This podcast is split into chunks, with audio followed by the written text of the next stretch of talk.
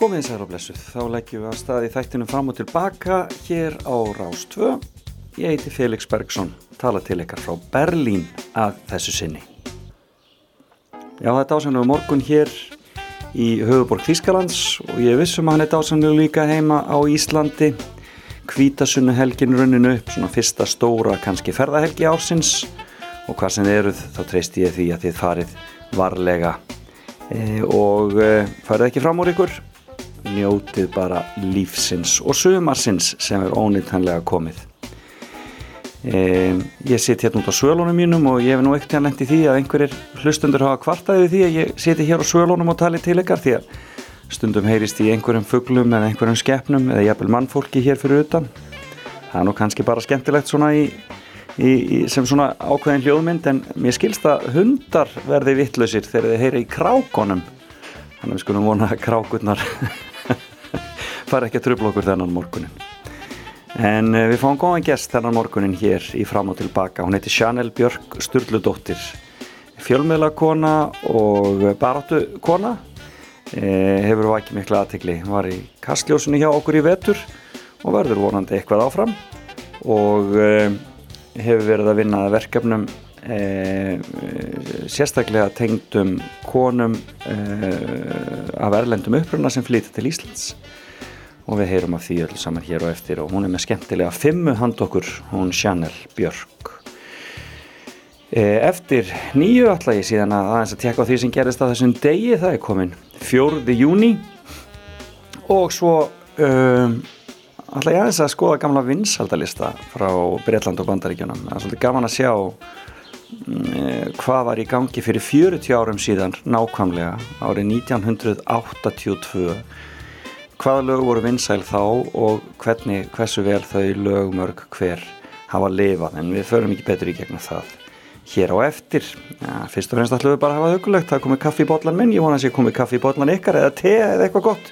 Og við skulum byrja á einu gamlu og góðu svona sumarlæginu, lagdagsins rivjum upp e, frábært lag Stefáns Hilmarssonar sem að gerðan að já, jafnvel enn stærri popstjórnu en þá þegar var orðin Það heitir Líf og er titilag soloplötunum hans.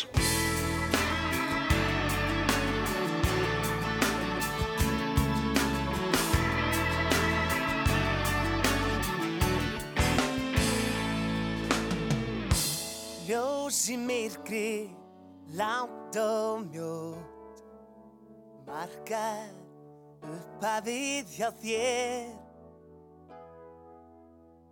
Allt í einu ertu komin inn í heiminn lítill dofin dregur andan hið fyrsta sinn.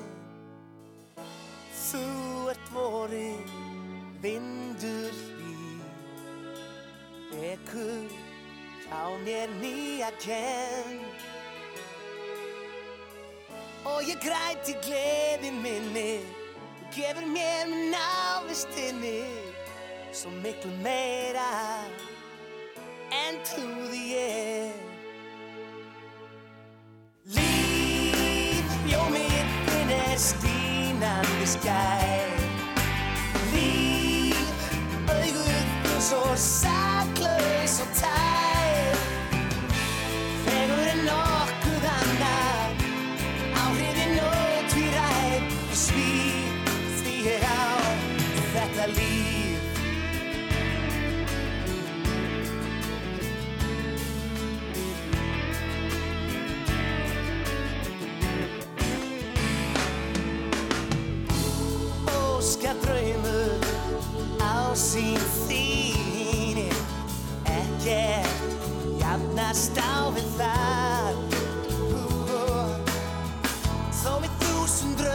dreymi Þessa stund ég alltaf geimi Í minni sinni.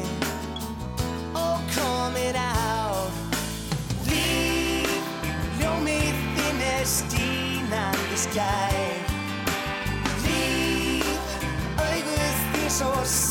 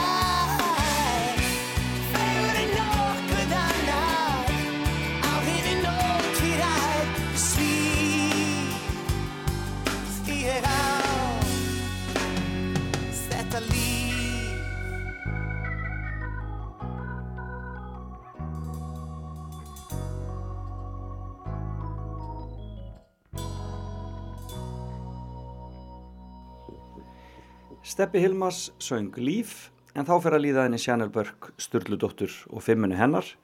E, það verður gaman að heyra í henni hér og eftir. En við skulum heyra í annari ungri og efnilegri uh, og frábæri tónlistakonu uh, Unu Torfadóttur og nýja lagið hennar sem við erum að spila mikið hér á Rástu það heitir Ein.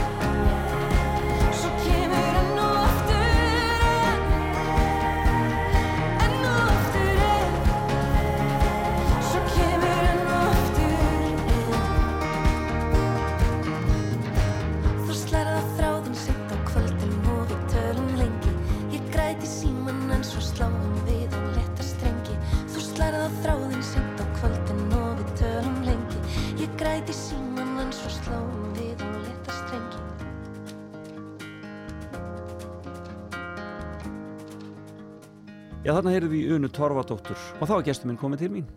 Sjanel Björk Sturludóttir, hjartanlega velkomin. Takk fyrir. Þú þurftu nú ekki að fara langt hér í húsinu því að það var bara eiginlega yfir gangin bara til að koma til mín hérna í stúdióið. Heldur betur. Já. Það er alveg ótrúlega gaman að vera komin hingað í, í húsið og að hérna vonandi get ég einhvern tíma kallað þetta bara annað heimili mitt. ekki að það er svolítið búið að vera það í vetur. Þú, þú dast þarna inn í kastljósið, já núna svona á vordögum eiginlega eða hvað, eða svona eftir áramótin. Akkurat, þetta var í rauninni svolítið óvænt. Já, Um, ég heyrði frá, frá rittstjóra Kassljós og, og hérna Ragnhildi Steininni bara síðisliðin haust, um, kannski bara mánuði fyrir jól eitthvað svoleiðis og var einmitt svona að hugsa út í það að fara skiptum, skiptum hérna starf eða, eða skiptum braut í, í hérna á starfs, starfsfélinu minn já, þannig að þetta var bara mjög kær komið. Ég, þú ert búin að vera meira svona bakvið tjöldin eiginlega, er það ekki í framleiðslinni frekar en að vera svona sjálf fyrir svona vélarnar? Já, akkurat. Síðan ég útskrifaðist úr háskólanámi 2016, Já. ég lærði sem sagt fjölmilafræði út í Englandi. Já, já, já. Um, þá hef ég verið, já síðan þá, að starfa sem framleiðandi aðila í auglýsingabransunum Já. og byrjaði mitt að, að, hérna, að framleiða einhver, einhver tónlistamindbönd og svoleiðis og var lengi hjá Sagafilm Já. og er, ég segi alltaf að ég sé alveg upp í bransunum þar Já. því þar lærði ég einhvern veginn inn á þetta allt saman. Um, og síðan þá þá hef ég bara verið í þessum bransa einmitt fyrir aftan myndavæluna og núna er ég komin fyrir framan hana. En mér finnst það bara ótrúlega gaman og gefandi starf og ég finn mig alveg mjög mikið í því að vera bara að segja sögur. Já, það er svona um, það sem ég brenn fyrir. Það er ástríðan. Og það uh, færir okkur að fimmunniðinni sem eru fimm bækur. akkurat, Ertu lestar hestur? sko ég myndi segja já og nei. Stundum kemst ég í gýrin Mm og þá er alveg einmitt, það er bara dásumlegt þegar maður kemst þangað. Já, en akkurat núna þá er ég mjög mikill búin að vera að hlusta á hljóðbækur. Já, Mér finnst það mjög þægilegt einmitt þegar ég er að keira eða er í strætó um, í ræktinni, eitthvað svo leis. En já, þessar fimm bækur sem að mér langar til að segja frá eru um, Girl, Woman, Other. Það er fyrsta bókin, ég veit ekki hvað hann heitir á íslensku en það hefur verið gefin út íslensk þýðing á ok, þessari bók já, eftir Bernadine Evaristo.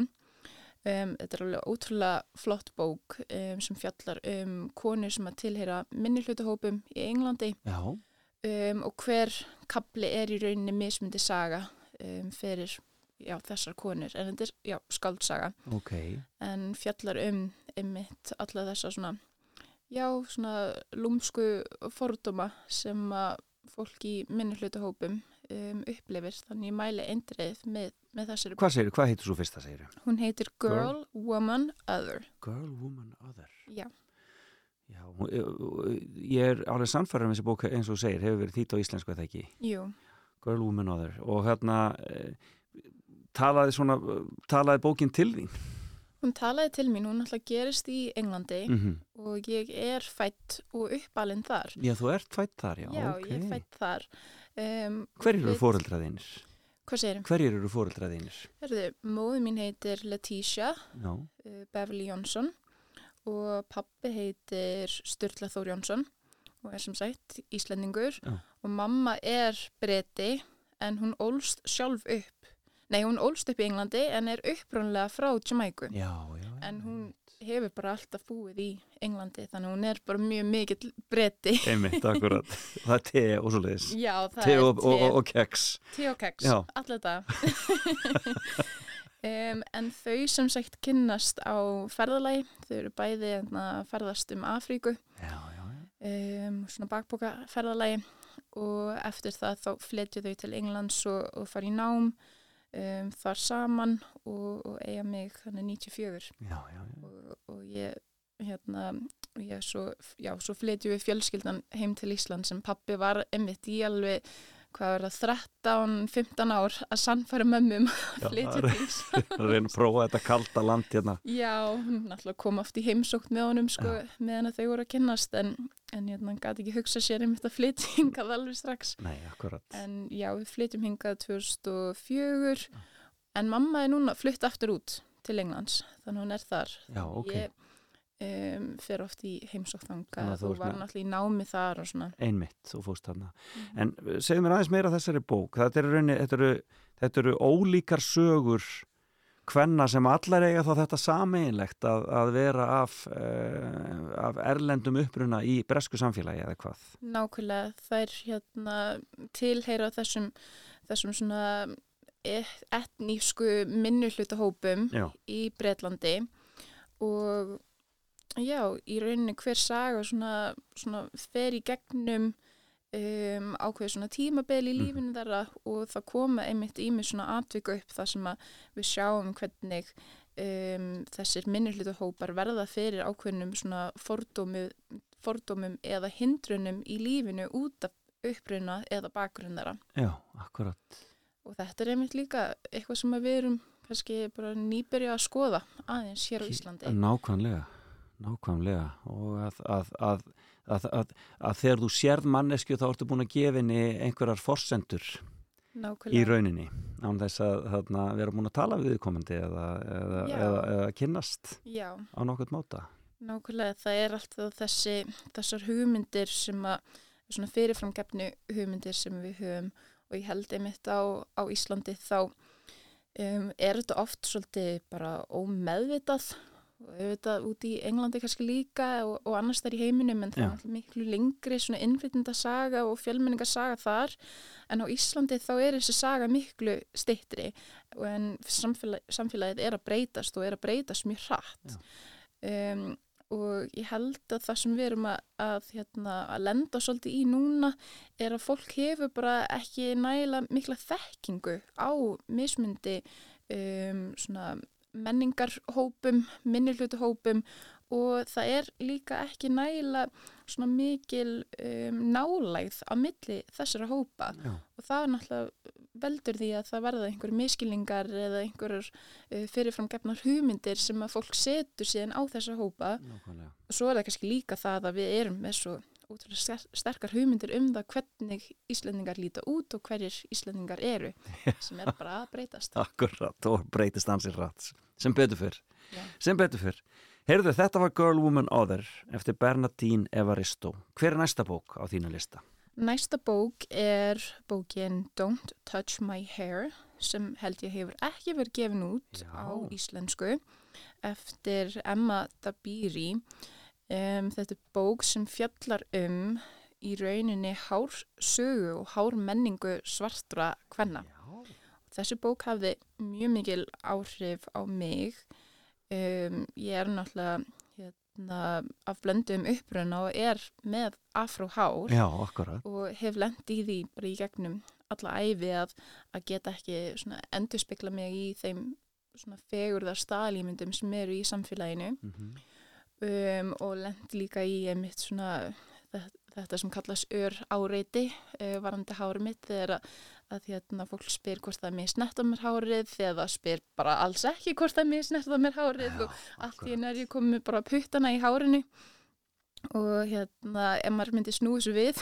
Ég lendi aldrei því einhver vilji klappa mér á skallan, ég get alveg lofa þér því sko. Nei, einmitt Þetta er alltaf svolítið skrítin upplifun. Já, ég trúi því. Af því að um, ég svona skilða oft og, og finn oft fyrir því að þetta er bara mikil bara forvitni mm og, og forvitni sem að kemur oftast frá, frá góðum stað. En það sem ég hef svolítið verið að vekja aðtikli á er um, að fólk þarf kannski aðeins að, setja sig í spór manneskunar sem að þau, það er að spurja Mhm.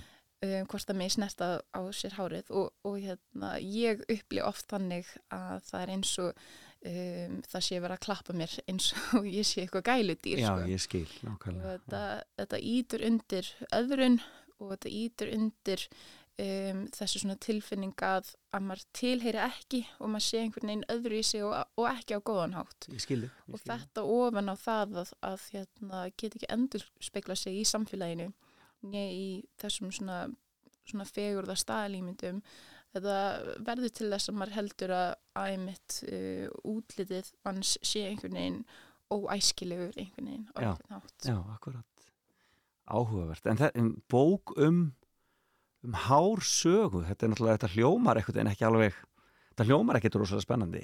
Já, sko, ég held að fyrir marga fólk kannski átta sig ekki á því hvað hár er ótrúlega pólitíst og sérstilega hár hvenna og ég hef aðeins talað um þetta við um, eina vinkun mína sem að fyrir nokkrum árum ákvað að hérna, raka af sér hárið Já. og allt í einu var hún farin að upplifa ímsa spurningar, spurningar út í heilsunar, spurningar út í það hvort þetta væri einhver einhver, einhvers konar uh, skilabóð sem hún var að reyna að senda út í samfélagið með Já. því að gera þetta en þetta var bara, bara ákverðin sem hún tók bara, langaði bara að prófa þetta. Akkurat, og, og þarna fann hún einhvern veginn allt í einu að, að hún var ekki einmitt að passa inn í þessar staðalmyndir, mm Mhm. fegura staðalmyndir sem að konur þurfa einhvern veginn að, að, hérna, að, að ná. Ég, þetta í rauninni verið ákveð stjórntæki eitthvað konum eða ekki einhvern tíðina, hárið. Það, þú, þú mátt ekki klippa þess stutt, þú verður að vera svona þú verður að vera, skilur, það er einhvern veginn það er feðraveldi fyrir að stjórna Akkurat. Og sko með hérna, svartarkonur þar sem við höfum séð til dæmis í bandaríkunum og líka alveg uh, hér á Íslandi mm er að þetta hefur líka verið bara stjórntæki þegar kemur að bara atvinnulífinu. Um, það voru settum fyrir held ég tveimur árum eitthvað svo list, það voru sett lög í hérna, New York í bandaríkunum um það að það mátti ekki mismuna uh, konur eða fólki á grundvelli hárs vegna þess að það var svo oft sem að fólk var að lendi því að vegna þess að það var með einhverja ákveðna hárgaríslu Mhm. að það mátti þá ekki sinna ákveðnum störfum eða þurfti að breyta hárinu sínu einhvern veginn til Já. þess að, að sinna þessu starfi Akkurat. og það getur verið til dæmis að vera, megi ekki vera með dretta uh, sem eru svona Já, já, einmitt, ákveðna svona hérna, ákveðin hárgreisla sem er sem týðkast mjög mikið meðal uh, svarts fólks ekki bara út af ákveðinni svona tísku heldur líka bara út af menningu Einmitt. en líka bara út af um, bara þægindum. Það er rosalega mikil vinna að viðhalda uh, afrahár. Já. og þetta er einn svona hárgreisla það sem ég myndi kjósa að kalla um, svona verndar hárgreislu þetta verndar hárið uh, frá umhverfinu. En magnað, Mhm. þetta er gaman að velta þessu fyrir sér. Já, hérna hér Þetta er, já, og, það, og þú mæli með þessari bók hún er, hún er vel skrifuð og, og, hérna, og segir mikla sögu þá algjörlega segja miklu sögu og ég lærði sjálf bara mjög margt um hár menningu svarts fólks um, með því að lesa þessa bók, mæli með. Frábært, frábært e, Þriðja bók Þriðja bók heitir I'm Not Your Baby Mother. Já, Þið sjáu kannski að það er ákveðin svona þema í þessum bókum Já. sem ég les.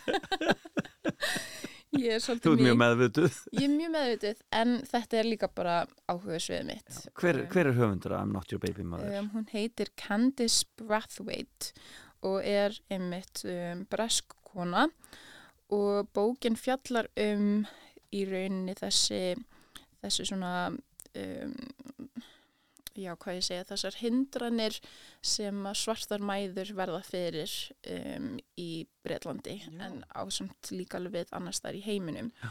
Og hún var með, ég mann nú ekki alveg nákvæmlega hvernig tölfræðin leit út en hún um, byggir þessari bók að hugmyndin í rauninni kemur til vegna þess að konur, svartar konur eða konur sem að tilheyra þessum etnískum minnihlutahópum í Breitlandi voru um, líkleri til þess að um, látast við fæðingu heldur en hvítar konur. Það var bara svoleiðis, já Það var bara svoleiðis og hérna, ég man ekki hvort það hefði verið tvisunum líklegri, þrjusur eða fimmsunum. Ég mæli eindriði með að, lesa þessa bók og þetta tengis líka alveg um, það sem við sjáum hérna, hérna heima þegar kemur að bara heilsu og, og viðmót innan heilbreyðskerfisins um, gagvart konum af ælendum einmitt. það eru ymsar svona um, hindranir í vegi uh, þessu hóps sem er bara mjög mikilvægt að við, að við tökumst á við strax. Og ég held að stærsta vandamálið uh, þegar kemur að því er út af þessari skort, skort á menningarnæmni innan hérna heilbriðskerfisins og innan bara samfélagsins almennt Mhm. sem að snertir einmitt sem, á það sem ég var að tala um hérna í upphafi með að hérna, það, okkur skorti svo mikil um, þekkingu á mismundi menni hlutahópum Já. og, og, hérna, og það getur náttúrulega aðstofa okkur mjög mikið um, ef við bætum það. Þú kemur heim hvað, tíu ára eða svo eh, þegar þeir eru búin að vera í Breitlandi Hvernig var að koma inn í skólakerfið á Íslandi Sko, tíu ára? ég Hvar, hvar, hvar bygguði í Breitlandi bjöggum rétt fyrir utan Oxford Ok, í smá bæ sem hétt Banbury ok. Og ég var einmitt búin að vera í einhver skólum og, og sko kristilegum skóla líka Ok, í Englandi. Mamma er um, mjög mikil svona, já ég, ég segi bara reynd út, hún er bara mentasnopp eins og margir eru í Englandi. já, Þannig það var mjög mikilvægt fyrir hana að við fengum góða mentun já. Og þegar við fluttum til Íslands þá hérna, var mentakerfið ekki alveg upp á það standart sem hún hafði. Nei, akkurat. En fyrstu árin fóru náttúrulega bara í það að, að læra íslensku. Já, þú talaður ekki íslenskuna þegar þú komst heim eða Sko, ég var alveg vöndi að heyra íslensku Mhm. en ég talaði hann alls ekki reybrennandi og því pappiðinn hafi ekki talað saman á íslensku þegar hann reyndi, Já. ég held að þetta hafi verið bara svolítið erfitt allir að tala ennsku á heimilinu og, já, og hann líka sjálfur í vinnunni um, en ég kom alltaf til Ísland sko á sumrin Já. og fór þá upp í sveit um, fyrir norðan til frængu minnar Já. og var mikið þar um, áður við fluttum hinga sem sagt Já. þannig var alveg vön því að vera svona í kringum íslenskuna en já, ég, íslensku málum hverfi Já, akkurat, en ég er ekki, ég fæ ekki svona tækifæri til þess að læra íslenskuna alveg fyrir en ég er þannig tíu ára. Einmitt. og í hvað skóla ferðu? Ég var í yngunaskóla, ok, við hérna, fluttum upp í Grafarolt Já. Og það var náttúrulega hann er nýr þá á þeim tíma hann er nýr skóla glænýr, já, þ- sko skólinn var ekki tilbúin fyrsta árið, Nei. vorum ennþá bara í, í skúrum, sko. Já. Um, en það sem stóð helst upp úr á þessum tíma var einmitt bara nálæðina við náttúruna nákvæmlega og í Englandi þá máttu við sko, við máttum leika okkur í bakgarðinum en ef við ætluðum að vera í garðinum fyrir framann húsið þá þurfti mamma að vera í eldhúsinu að meðan Að fylgjast með, að fylgjast með eða pappi úti að, hérna, að få bílinn. Þannig að- að koma hingað og vera bara með bara skó í, hérna, og já, í þannig bakgarðinum dal og allt þetta já, þetta var alveg dásunett og við Frábært. bara sýstunar hérna fórum út að hjóla á morgnana og komum svo heim á kvöldin. Já, það var svo leis. Normálegt, hvað áttu, hvað, hvað, hvað áttu? Áttu eina sýstur eða? Nei, já, tvær. hvað eru, eru þær yngri eða eldri? Þær eru yngri, Já. ég er elst, það er hún Fía Emani, hún hérna, er einmitt í landsliðin í handbolta. Já, já, og er þreymur árum yngri en ég. Já. og svo Darcy Þórdís. Og hún býr úti með mömmu núna. ok, já, hún er út um að með henni gaman að því, heyrðu við skulum taka okkur smá pásu. Þú baðst um lag sem ég ætla að reyna að finna hérna með Sam Evian Right Down the Line, en þetta er eitthvað úr einhverjum sjómanstætti Já, það er margir sem kannski kannast við þessa sjónvastætti, Euphoria, Já. en aðrir kannski alls ekki, en þetta eru mjög vinsælir svona úlingaþættir í er, rauninni. er þetta á Netflix eða? Þetta er ekki á Netflix, þetta eru HBO þættir, Já, þannig einmitt. þeir hafa verið inn á, inn á spilarunum hjá Stöð 2, einmitt, en já, mjög skemmtilegir. Þættir. skemmtilegt, heyrum Right Down the Line og svo höldum við uh, Chanel Björk Sturludóttir áfram að spjalla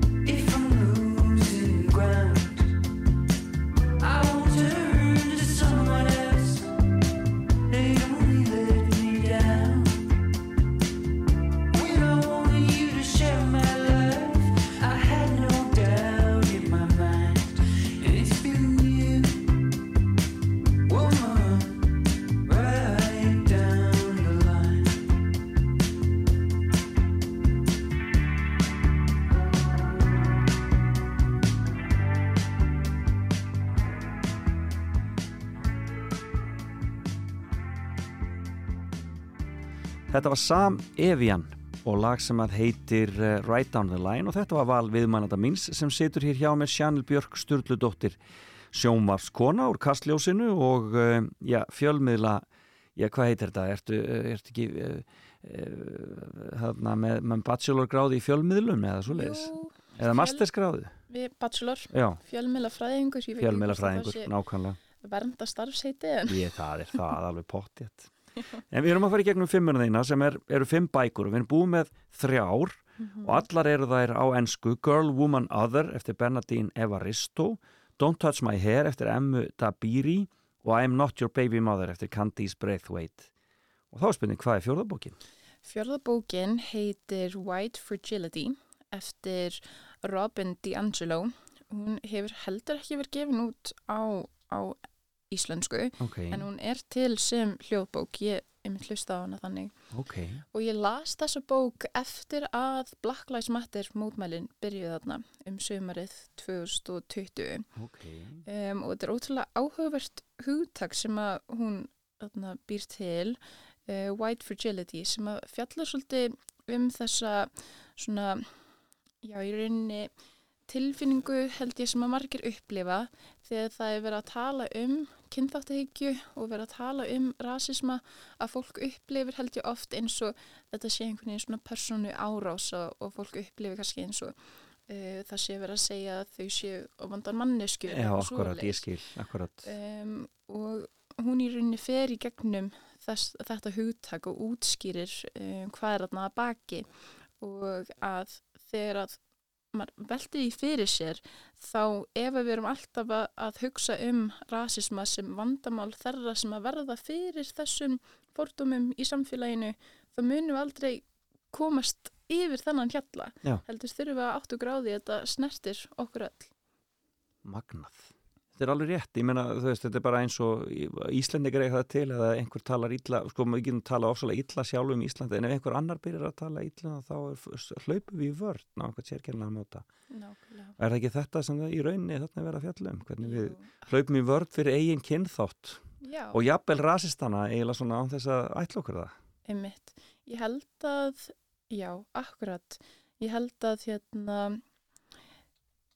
við eigum það til að, að tengja kannski um, rasisma og, og kynþátt og fordóma við mannesku sem að er ætla sér að vera rasískur, að ætla sér að, að særa einhvern og, og jafnvel að manneskja sem við myndum bara segja að væri vond manneskja. Já, Þannig að þegar að uh, fólk er bent á að eitthvað sem að það segir eða gerir um, sé byggt á einhverjum kynþáttafordumum þá auðvitað er það særandi að heyra það því að við viljum öll, eða enginn vil uh, hérna, halda að þau séu vondar manneskjur akkurat. en þetta, þessar kynþátta hugmyndir og kynþátta hyggjan hún geg, gegnum sýrir bara allt samfélagið Já. og byrtingamyndinar eru bara ótrúlega marg, margslungnar Og við lærum ekki nema við ræðum þetta opið og, og bendum á dæmin og svoleiðis. og það er í rauninni heldur aldrei ofseint að aflæra þessar hugmyndir sem að kannski við vitum ekki einu sinni Já. erum ekki búin að átt okkur á því að, að, hérna, að við séum með í kollinum Nákvæmlega, áhugavert. En þú hefur verið að vinna í ýmsum verkefnum svona fyrir utan náttúrulega bara þín svona verkefni í vinnunni en e, þú ert að í bókaútgáfu til dæmis. Akkurat, meðal annars um, ég sem sagt stopnaði samtökin hennarödd Já, árið 2018 með vinkunum minni Elinborgu Kolbinsdóttir og hugmyndin kom til um, þegar við vorum eitt kvöldið að ræða um einmitt upplifun móðuminnar af því að vera kona af velendum uppröðina á, á Íslandi. Já, og hún tók mjög einmitt virkan þátt í svona samfélag hvenna velendum uppröðina hér og kynntist mörgum ótrúlega áhugaverðum og, og flottum konum og var sjálf byrjuð á þeim tíma 2010-2011 að taka upp viðtöl við ýmsar konur já, með það markmiði að gefa út bók ok, um, sem væri þá samansapna af þessum sögum. Já, en bara fyrir mér á þeim tíma þá var eins og það væri bara ekki nógu mikil áhugi í samfélaginu fyrir uh, þennan málstað og heyra þessar rattir. og fyrir að heyra þessa rattir, akkurat og við vorum aðna vinkunnar að ræða þetta og ákveðum að taka aftur upp verkefni verkefni en að mömmu. Já.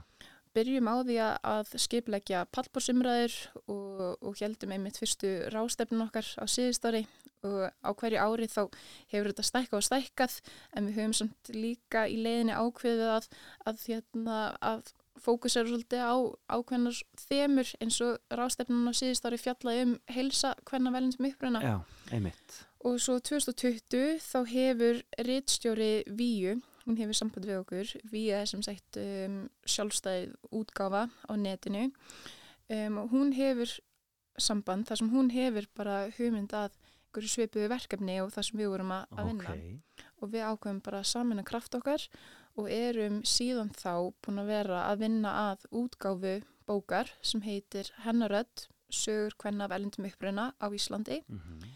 Um, við erum búin að taka viðtöl við 36 konur og já það er allar sameiginlegt að vera um, aðfluttar en búa hérna bara vísvegar um landið. Okkur fannst það einmitt mjög mikilvægt að, að vera ekki bara að tala við konuna sem eru hérna á höfuborgarsvæðinu Og öruglega eins ólíkar og það eru margar. nákvæmlega ótrúlega ólíka sögur þetta er alveg rosalegt þannig bókin er núna í Skemmtilegt. og verður svo gefin út fyrir, um, fyrir jól vonandi, við erum að gefa út sjálfar þannig við erum bara að vinna í því að, að fjármagna verkefni núna Þannig að það er hennarrödd.is sem er svona síðan til að fara inn á til þess að sjá meir um þetta og, og kynast þessu. En ég meina, hvenar, hvenar svona vaknar í þér svona aktivistinn og að það að fara að, hérna, að vilja vinna í svona hlutum og, og hérna, bæta samfélagið? ég held að þetta hefur verið eftir háskólanámið Já. um, Upplýður stert, þú, þú varst í Nottingham að það ekki í námi. Akkurat Upplýður stert að, þarna, að það væri nöðsynlegt að, að, að fara að tala, fara að, þarna, að, að, að spyrna aðeins á móti. Ég, sko, ég segi alltaf að eftir námið þá leið mér svolítið eins og ég hafi fengið einhvers konar svona verkfæra kistu Já, ég skil. með bara ymsum einmitt verkfærum til þess að greina það sem ég var að upplifa hér á Íslandi. Því ég fer þarna aftur út til Englands, þótt ég sé alveg upp þar, þá var ég búin að vera inn á Íslandi í 10-12 ár því ég fer aftur út og upplifði alveg svolítið mikið svona menningarsjokk. Um, fannst mjög skrítið að vera komin aftur út og miklu meiri svona fjölbreytileiki þarna úti heldur en það sem ég voru að upplifa hérna heima Já. og það gaf mér einmitt mjög mikið að kynnast um, öðrum krökkum sem að voru með svipuðan bakgrunn og ég sjálf eða bara allt annan bakgrunn um, svo kem ég aftur einhver heim og þá upplifi ég svo miklu sterkara þessa svona öðrun í samfélaginu heldur en það sem ég upplifði áður fyrir að því ég hafði einhvern veginn svona tækin til þess að, að skilja það að hérna að skilja, já, það Já. sem ég var að upplifa Já. og þessi spurning hvaðan ertu ég man, ég man einhvern tíman ég var hérna að vinna með vinkunum minni einhvers staðar og, og það er maður sem að ráfin inn, í búðina og, og spyrir mér einmitt, já býtu, hvaðan erst þú eiginlega? Þetta er það fyrsta sem hann segir við mig og vinkun mín, hún segir þá við mig, Sjanil, þú mátt ekki taka þessu svona nærrið þér. Og ég hugsaði bara, af hverju má ég ekki taka þessu nærrið mér, mér finnst þetta óþægilegt. Af hverju er hann að spyrja mig uh, að þessu og, spyr þig ekki? Mhm. og fór þó miklu meira að velti því fyrir mér, hvað er að baki um, við þessu spurningu? Mhm. og jújú, jú, það er kannski forvitni en það er samt líka þessi svona sundrung og það er þessi öðrun og það er verið að segja við mig að ég, ég fitt, passa ekki inn í þá mynd að vera Íslendingur eins og aðrir um, gera hér á Íslandi Já. og meðanst það um, ósangjant og erfitt vegna þess að ég finn það stert í brjóstu mínu að ég er Íslendingur eins og allir aðrir sem Nákvæmlega. að búa hér á Íslandi og þótt ég eigi annan bakgrunn þá á það ekki um, þá þýðir það ekkert eitthvað meira heldur en, heldur en íslenska ætti mín. Nákvæmlega. Það var svolítið eftir, eftir þetta allt saman sem ég ákvaða að, hérna, að byrja að vinna í þessum verkefnum. Já, og tala bara. Já, bara akkurat. og, hérna. en er, þetta, það er ótrúlega sterk þessi samtök, samtök hvenna af erlendum uppruna, þau hafa styrst mjög svona undanfærin ár Heldur betur. og verið orðið, orðið að rödd í samfélaginu Algjörlega. Mm. Þetta eru rattir sem að fá ekki endilega heyrast um, jafn oft og, og þessar aðrar rattir í samfélaginu sem að uh, tilheyra þessum meiri hlutum um, og það er bara ótrúlega mikilvægt að, að við gefum um, þessum minni hluthópum tækifæri til þess að, að, hérna, að nota rödd sína og, og gefum þeim í rauninni og, og upphefjum þessa rattir líka. Nákvæmlega, nákvæmlega, nákvæmlega. Fjór, eh, fymta bókin, það er ein eftir Það er ein eftir. og hver er svo síðasta? Svo síðasta er bókin Born a Crime eftir Trevor Noah. Já, já, já, já. Hún hefur nú verið gefin út Já. á íslensku Já, já, um, og þetta er bók sem að ég byrjaði að hlusta á fyrir stuttu síðan eftir hann kom til Íslands og, og held hérna ótrúlega skemmtilegt uppistand fyrir stuttu síðan já. Og hann er alltaf bara frábær. Algjör Og snillingur. Ég er ekki alveg búið með bókina, ég held ég eitt kapla eftir en vá hvað ég mæli með því ég var hérna að kæra út á landi að hlusta á hann um daginn og ég er ekki að ljúa því ég segi að ég hl- hló í bílnum og grét í bílnum. Ég, það er nákvæmlega sami upplifun. Ég las hana sko á íslensku uh, en það ég get ímynda mér að heyra hann sjálfan lesa bókina hlýtur að vera algjörlega frábært sko. Já, það er frábært. Hann er svo góð með alla þessa mismundir heima.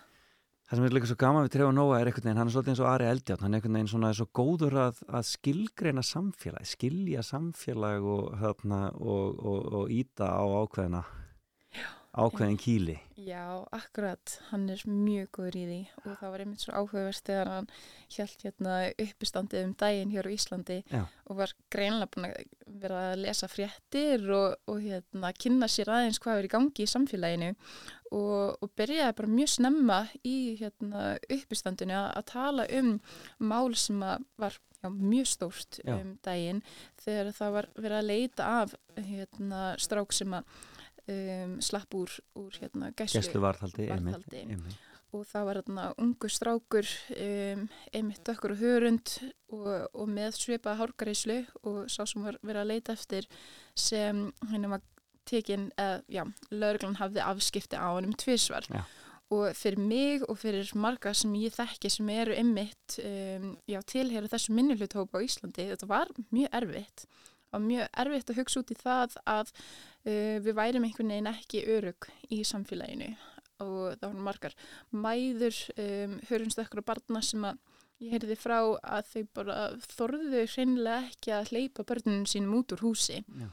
og ég bara hugsa og, og spyr bara fólk í samfélaginu er þetta eitthvað sem við viljum? Og ef, ef að þetta er staðan þá er kannski eitthvað sem að e, við þurfum að skoða aðeins betur og þegar hann byrjar þarna í uppistandina að tala um tala um þetta, mér fannst þetta svolítið erfitt, mér fannst eins og þetta væri uh, aðeins og snemt en, en hérna svo eftir smóstund þá kemur í ljós að uh, mamma straxins sem að hafði, lauruglan hafði afskipti af varðarna í salnum. Já. og vinkonir hennar hérna kalla kalla á Trevor Noah að hún sé í salnum og svo byrjar einhver svona díalógia á milli þeirra og þetta var, þetta var magnað og þetta var einhvern veginn alveg rosalega góð uppgjör af því að Trevor Noah, hann náði einhvern veginn að, að, hérna, að fá alla með sér í það að sjá hvað þetta var alveg bara fáranlegt atvik og það er í rauninni bara fáranlegt að þetta hafi verið fréttamál. Akkurat, Mér finnst það annars staðar í, út í heimi þá væri þetta ekkert væri við ekki einu svona að tala um þetta kannski Nei, akkurat. Nei, akkurat. Og þetta er kannski veruleiki einmitt svartra stráka eða svartra krakka í víðsvegar um heim. Að það er stöðut verið að hafa af þeim afskipti Já, þar sem þau eru. akkurat og tengist í rauninni bara langa sögu af, af hérna bara staðalmyndum um svarta karlmenn sem Nákvæmlega. hættulegar hættulegir um, og, og meiri ógn við samfélagið heldur en, heldur en aðrir og þetta er eitthvað sem við erum ekkert endilega laus við hér á Íslandi uh, þótt að um, þetta hefur kannski ekki verið nálægt okkur og, og til dæmis í bandaríkunum en við erum náttúrulega hluti af alheims um, alþjóða samfélaginu og það sem Nákvæmlega. gerist út í heimi hefur alveg áhrif á okkur hér. Og samfélagi okkar breytist rætt, þannig að við þurfum að halda vöku okkar. Þannig að það sem er. Akkurat. Sjanul Björk, þetta var skemmtilegt. Girl, Woman, Other var fyrsta bókin. Don't Touch My Hair. I Am Not Your Baby Mother. White Fragility, þetta er það. Akkurat. og uh, hvað, hver ár höfundurinn þar aftur? Robin DiAngelo Robin DiAngelo, Finn Hanna og svo Born a Crime, Trevor Noah og uh, ég set, þessar, set þessa lista, listan inn á, inn á Facebook þannig að allir geti náði í sem vilja og uh, lesi bækurnar sem þú ert að lesa ef hann fólk hefur áhuga Kæra þakki fyrir komuna. Hvað tekur næst við hjá þér? Hvernig verður, hvernig verður sumarið og svo næsta haust? Er það bara fyrst og næst bókin? Já, bókin, það er mikil vinna í gangi með bókina um, Já, ímisverkefni sem eru í vændum Já. sem ég segi kannski aðeins betur frá setna Já, já, það er svo leiðis, en spennandi. En uh, mynd koma aftur í kastljósi hjá okkur næsta haust? Já, það er einmitt verið að ganga frá því núna bara vonandi sjáum við þeim ennþá á skjánum Frábært, það gleður mig mikið. Kæra þakki fyrir komin í fram og tilbaka. Frábært, takk fyrir mig It's bad bitch o'clock, yeah, it's thick 30. I've been through a lot, but I'm still flirty. Is everybody back up in the building? It's been a minute, tell me how you're healing. Cause I'm about to get into my feelings. How you feeling? How you feel right now?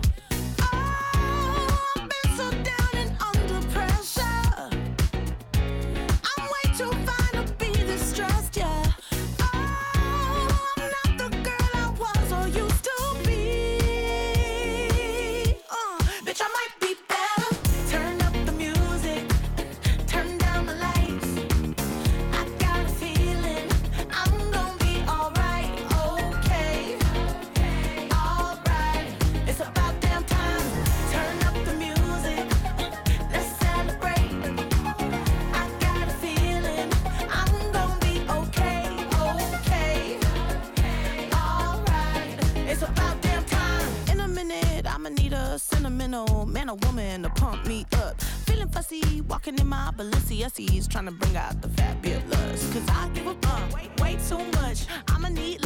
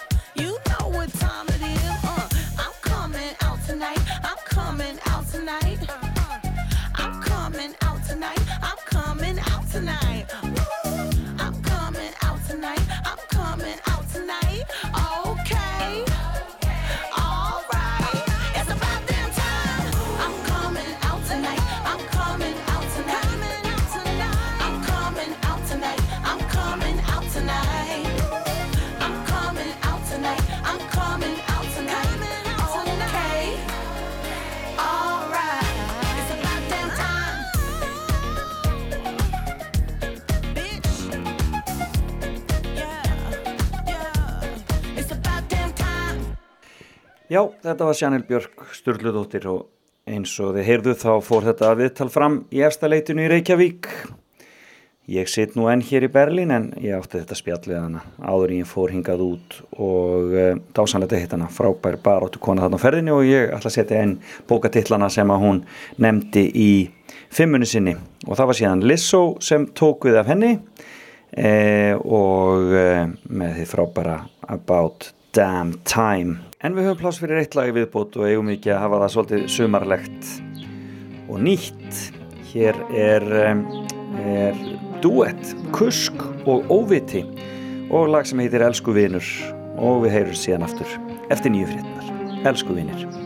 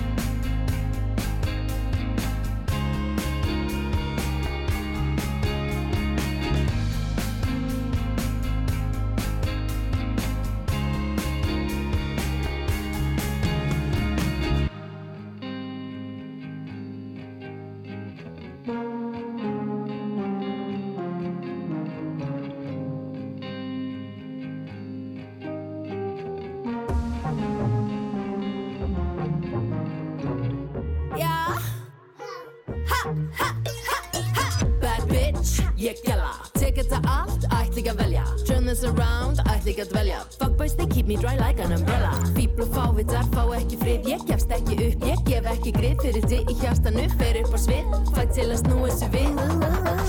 Baby ég er alheimurinn. Ef að karlmark Stýpi var að kærasti minn Borða ríka kalla í morgumatinn En þau genga ábyrði svo gerandi minn ey. Legg saman tvo, tvo Segi eitt en ger eitthvað annað svo. Fæðu nýtt líf Færum þér nýja von. I'm the Virgin Mary, baby, I'm the whore Somewhere nothing stands in our way. Yeah, we're counting down Feet off the ground. We're dancing to the rising sound This time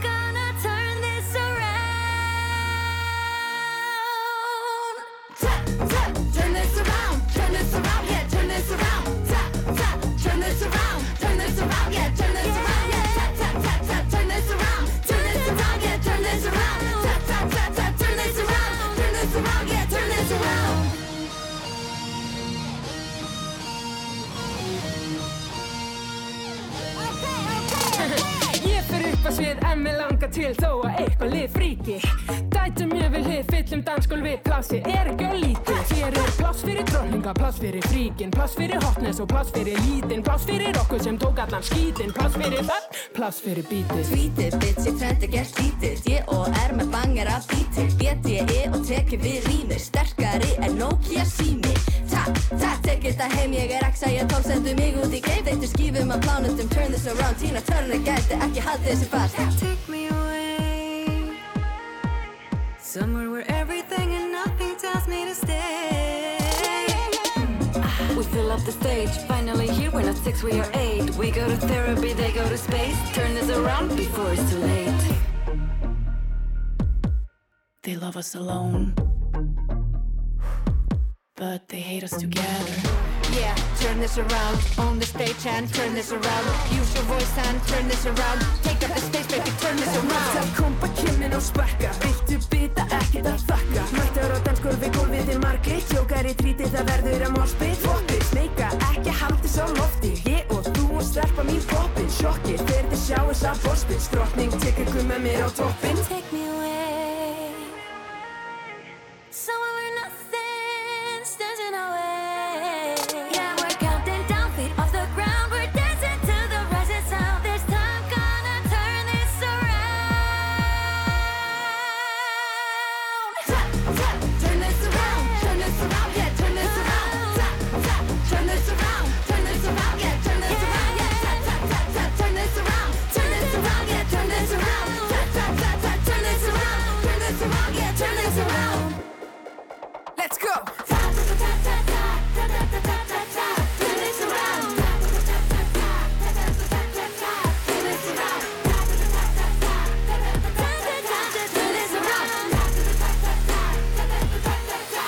this around. Komið þið sæl aftur. Og höldum áfram í þættinu fram og tilbaka hér á Rástvö og ég heiti Felix Bergsson tala til ykkar að svölunum mínum hér í Berlín. E, fugla, söngur og sól hér og vonandi hitt príðilegasta veður líka heima. Og hvað sem þið eruð þessa kvítasunni helgina fariði varlega því lofum við því eins og alltaf. Um, við byrjuðum þennan klukkutíman á nýri útgáfu Reykjavíku dætra á læginu Turn This Around. Þetta er svona lengri útgáfan þar sem að þær allar átt að koma við sögu það mátti náttúrulega ekki e, mátti náttúrulega ekki e, vera svona langt og með þeim öllum þeirra keft í söngakefninni en nú er það semst orðið rétt hjá þeim eins og þær vilja hafa það en um, ég ætlaði svona á þessum klukkutímanum aðeins að kíkja á það sem gerist á þessum degi 4. júni og svo ætlaði ég aðeins að tekka á 40 ára gömlum vinsaldalista eða vinsaldalistum bæði í e, Breitlandi og Bandaríkjanum og það er náttúrulega 1982 þessar, þessi vika. Og um, e, það er lag sem var á svakalegri siglingu á breska vinsaldalistanum á þessum tíma og lag sem hefur svo sannarlega lifað e, þráttur að vera e, algjört e, algjört af, afkvæmi nýjönda áratæri þetta er duetin Yasu og það er alltaf gaman að heyra þetta lag e, Only You sem að á þessum degi var í fjórðasæti e, breska vinsaldalistans Looking from a window above, it's like a story of love. Can you hear me? Came back only yesterday. I'm moving farther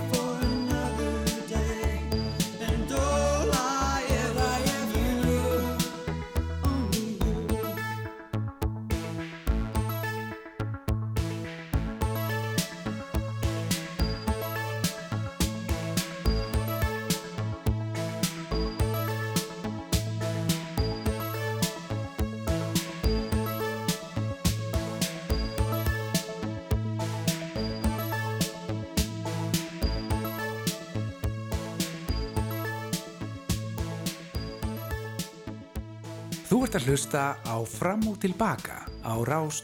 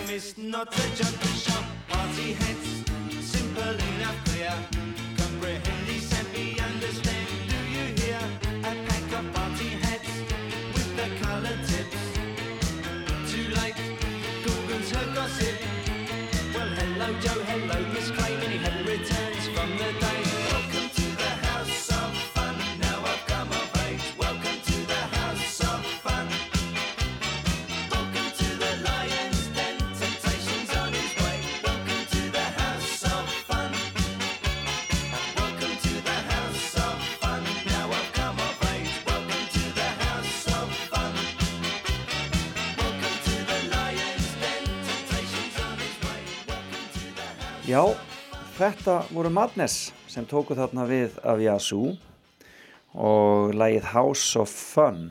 Og það er skemmtilegt að segja frá því að þetta er e, bara lag sem að Madness gaf út þarna 1982 eiginlega bara á hápunkti fræðarsinnar e, og e, þetta var bara fyrsta og eina lagið sem þeir náðu á topp breska vinsættalistans ótrúlega en satt þrátt fyrir þessar gríðalögu vinsældir. Það var þetta eina lagi sem þeir komu á topp breska vinsættalistans og e, og þetta var upprunalega lag sem að hafiði enga, ekkert viðlag en hljómblötu fyrirtækið ítti á þá að, að, að það erði nú að vera viðlag í þessu lagi. Og þá kom þetta viðlag Welcome to the House of Fun sem að Mike Barson eitt meðlima uh, Madness bjóð til og lagið varð sem sagt gríðarlega vinsalt, fór beint á toppin í Breitlandi og uh, hefur verið uh, já, talið meðal svona bestu laga um, já, bestu topplagana á breska vinsaldalistanum fyrir og síðar. Frábært band, Madness og það var gaman að sjá þá hér á Íslandi þegar þeir komu hér á sínum tíma og spiluðu í lögatarsöllinni það var ekki leðilegt eh, en eh, þetta var sagt breskilistinn og eh, þá er spurning hvort við kíkjum aðeins á Billboard listan hann var daldið öðruvísi sem sagt ameríski listin 1982 og þar er ansið mikið að lögum sem ég hef verið að spila í þessum þætti svona laumað við og við. E, og þarna til dæmis Ray Parker Jr. munið eftir honum e, hann syngur þarna ekki Ghostbusters heldur lag sem heitir The Other Woman og var e, gríðarlega vinsalt þarna á þessum tíma í fymta sæti. En svo er lagið sem er í sjönda sæti og það hef ég nú oft spilað í þessum þætti og klikkar aldrei. Fáum elektropop eins og það gerist allra, allra, allra best. Þetta er Human League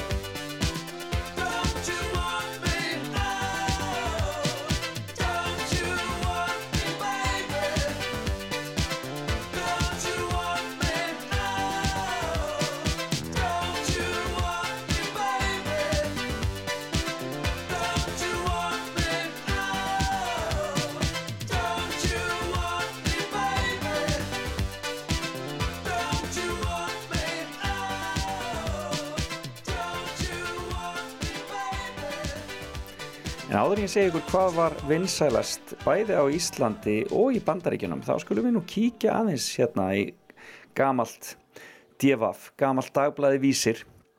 E, þeir voru alltaf á föstu dögum á þessum tíma með svona með e, vinsaldalistana og, og, e, og e, það sem var svona efst á bögi útrúlega gaman að fara inn á tímarit.is og skoða þetta allt saman en um, á Íslandi uh, voru uh, vinsælstu lögin öll erlend. Uh, og um, það er nú svona daldi, daldi dæmigert um, uh, fyrir þarann tíma. Það var einhvern veginn þannig á vinsaldalistunum að var, þetta voru bara erlend lög og það var langt í það að svona íslensku böndin dittu inn í það allt saman um, það voru svona mikla breytingar í íslenska poppinu þannig á þessum tíma. Þetta náttúrulega uh, Rocky Reykjavík tímin og og, um, og það allt saman að breyta öllu. En uh, einhvern veginn inn á vinsaldalistuna þá voru þetta erlendlög voðalega mikið á þessum tíma. Uh, en yfir en svona stóru plötunar sem voru vinsalastar í, á Íslandi á þessum tíma voru e, svona, svona sumarplötur aðeins. E, það var hérna til dæmis lag, plata sem heitir Í sumarskapi með uppliftingu og Beint í mark sem var svona sapplata með hinum og þessum. E, en svo var þarna plata sem var e, gríðarlega vinsæl og eina lagið sem detturinn á íslenska vinsætalistan þá er með þeirri hljómsveit. Þetta er Ego og platan hitt og heitir Breyttir tímar og lagið Móðir var í tíundasæti á vinsaldalistanum á Íslandi vinsælustu lögin í Reykjavík. Skulum heyra heyra í Egoinu Ald, klikkar aldrei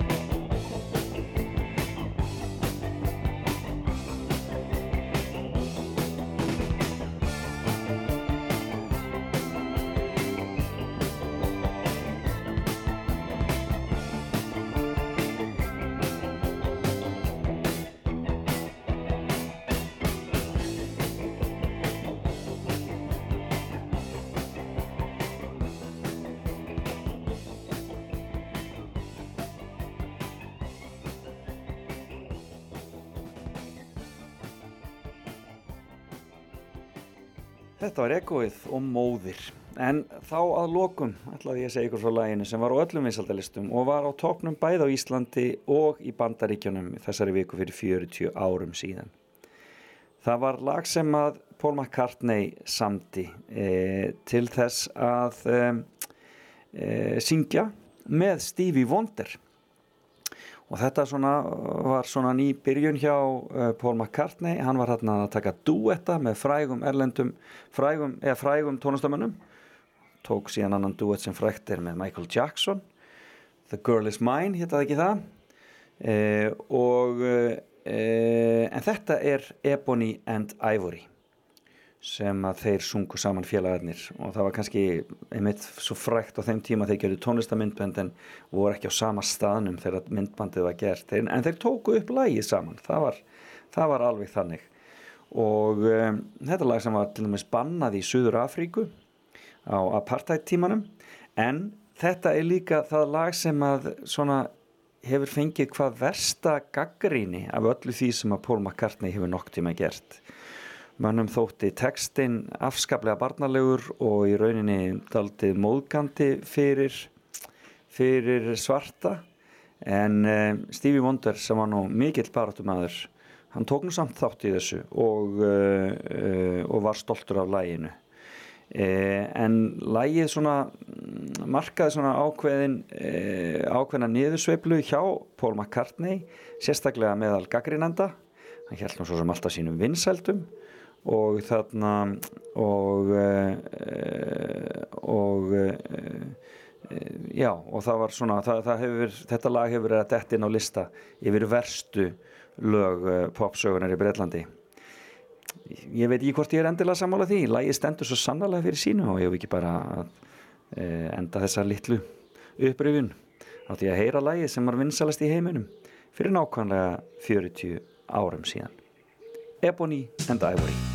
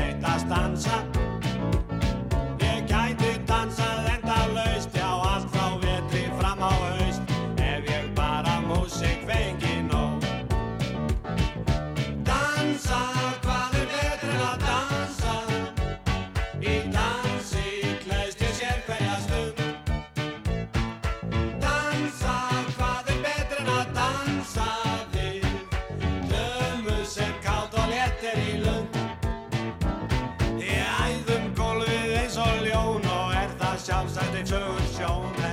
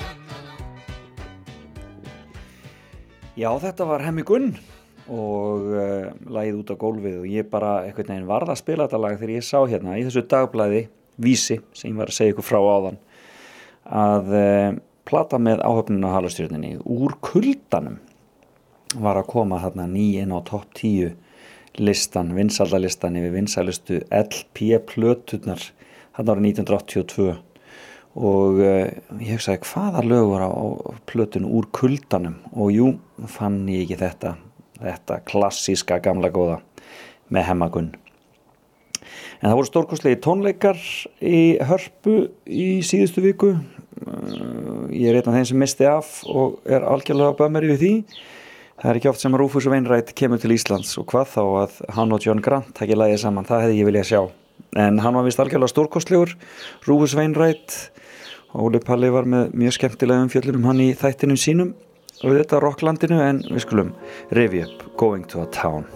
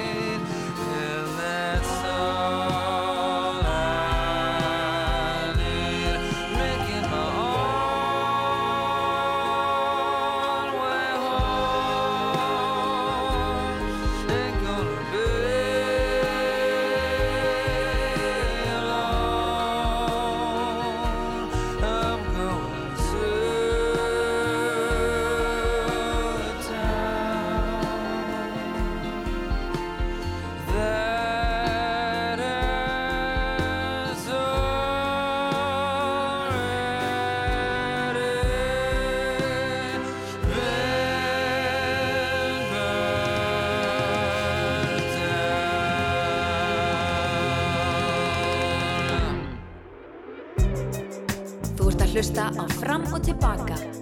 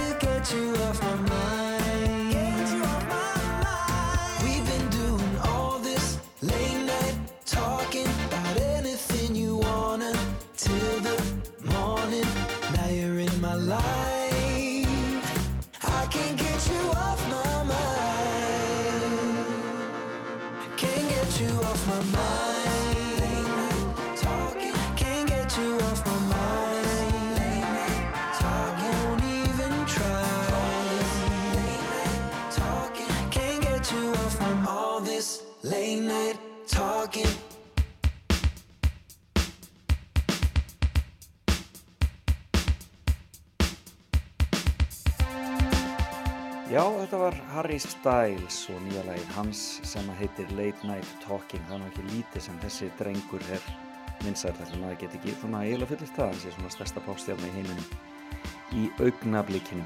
En það er komið að því að kíkja aðeins hvað gerist á deginum. Ég gera það nú oft í þessum þætti og það er nú alltaf svolítið skemmtilegt. Í dag er komin sagt 4. júni. Þetta mun vera 150. dagur ásins. Já, já, það er þetta, þetta ár leipur frá okkur, það verður ekki lengur 2022 fyrir en varir.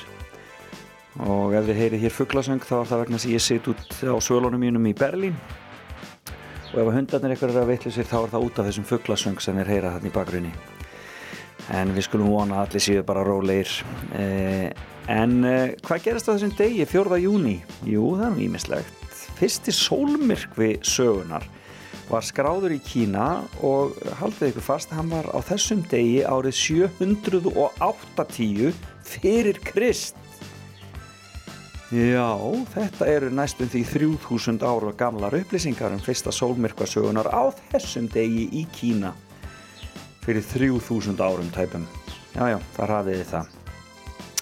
Svo bara eiginlega inn í nútíman hérna 1561 eldingu slóniður í Pálskirkjunni í London og hún stóru skemmtist í eldsóði í kjölfarið. Já, já, þannig eins og það er. E, Georg III var konungur Bretlands á þessum degi árið 1738. Nú er spurning hvort við fáum nýjan konung í Bretlandi fyrir en varir. Meiri vittlisann þetta, þetta konungsveldi allt saman. Það er ekki komið árið 2021. Það er nú svona eins og það er.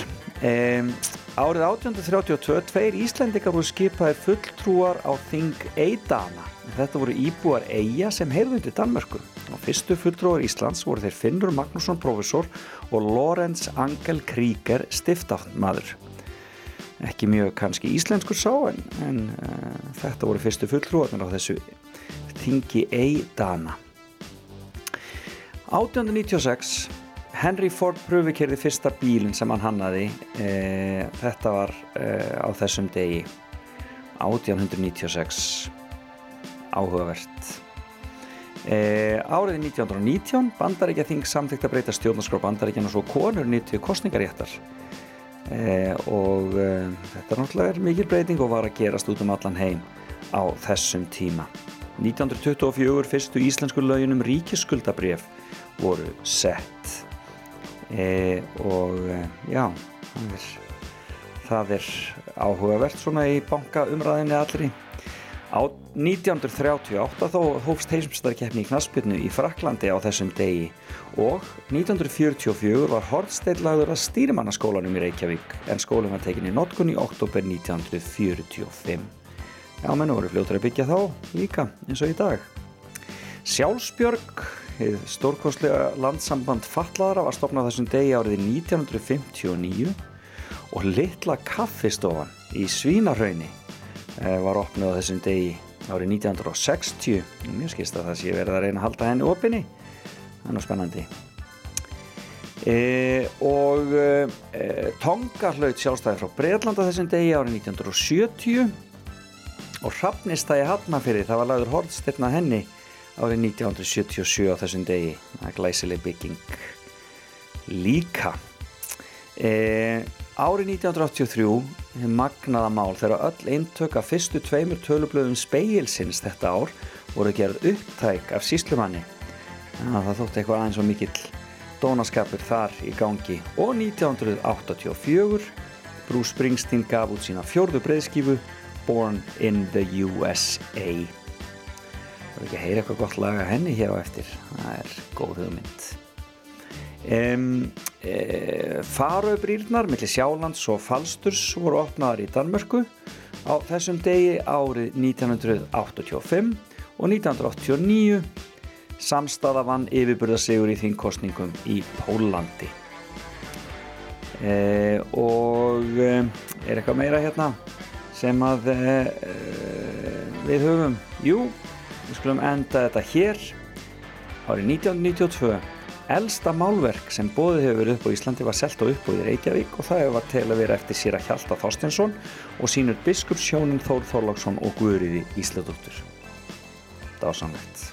Jú, og fjölskyld og hústýragarðurinn tók til starfi í Reykjavík 1993 á þessum degi og hljómsveitin Ham helt fræga loka tónleika í tunglinu undir yfirskriftinni Ham lengi lifi og þetta var árið 1994. Látum þetta næja af þessum ágæta degi 4. júni.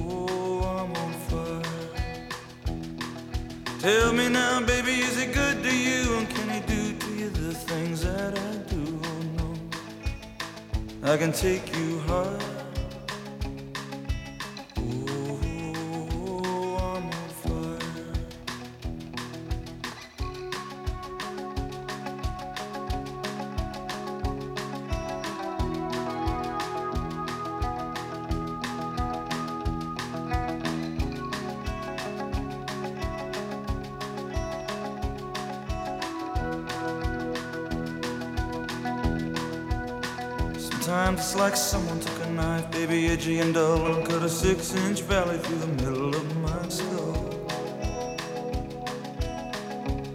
At night I wake up with the sheets soaking wet and a freight train running through the middle of my head.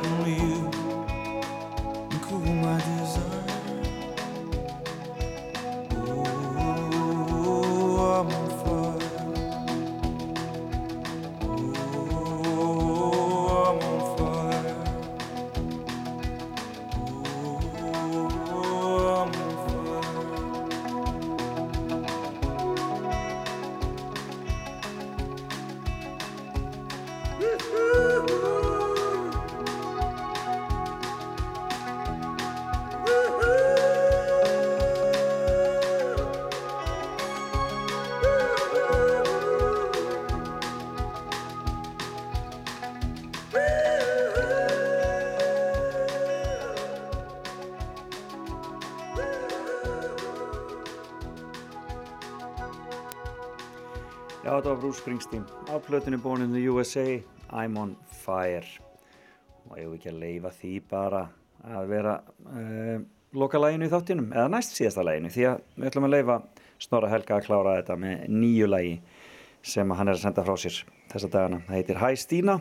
Ég þakka ykkur kærlega fyrir samfélgin í dag og viðmælanda mínum í morgun sem var engin önnur en hún Chanel Björk Sturludóttir og uh, hún var með fimm bóka lista sem að við setjum inn á Facebook síðu Rásar 2 e, þetta var fimmann hennar bækur sem hún mælir með að allir lesi og reynið að skilja e, lífið á tilveruna. Og e, við vorum að skoða hérna gamla vinsaldalista 40 ára gamla vinsaldalista, alltaf gaman að því frá árinu 1982 og svo var það það sem gerast á deginu en Felix Bergson þakkar fyrir í dag og uh, hveður hérðan frá Berlín. Ég verð aftur með ykkur á uh, mánudagsmorgunin.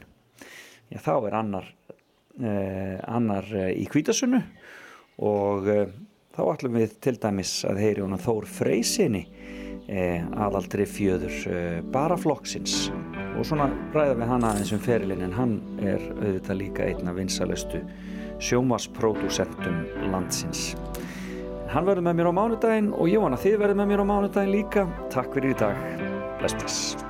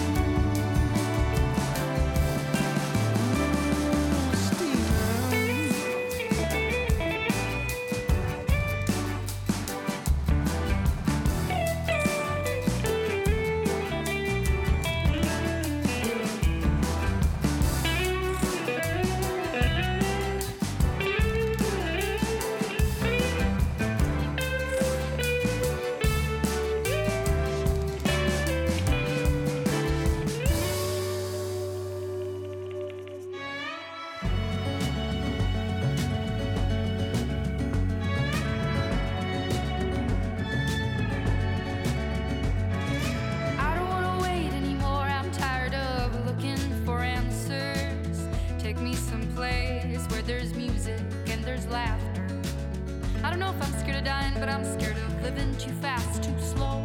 Regret, remorse, hold on. No, no, I gotta go. There's no starting over, no new beginnings. Time raises on. Just gotta keep on keeping on. Gotta keep on going, looking straight out on the road. Can't worry about what's behind you, what's coming for you further up the road. Try not to hold on to what is gone try to do right what is wrong. I try to keep on keeping on. Yeah, I just keep on keeping on.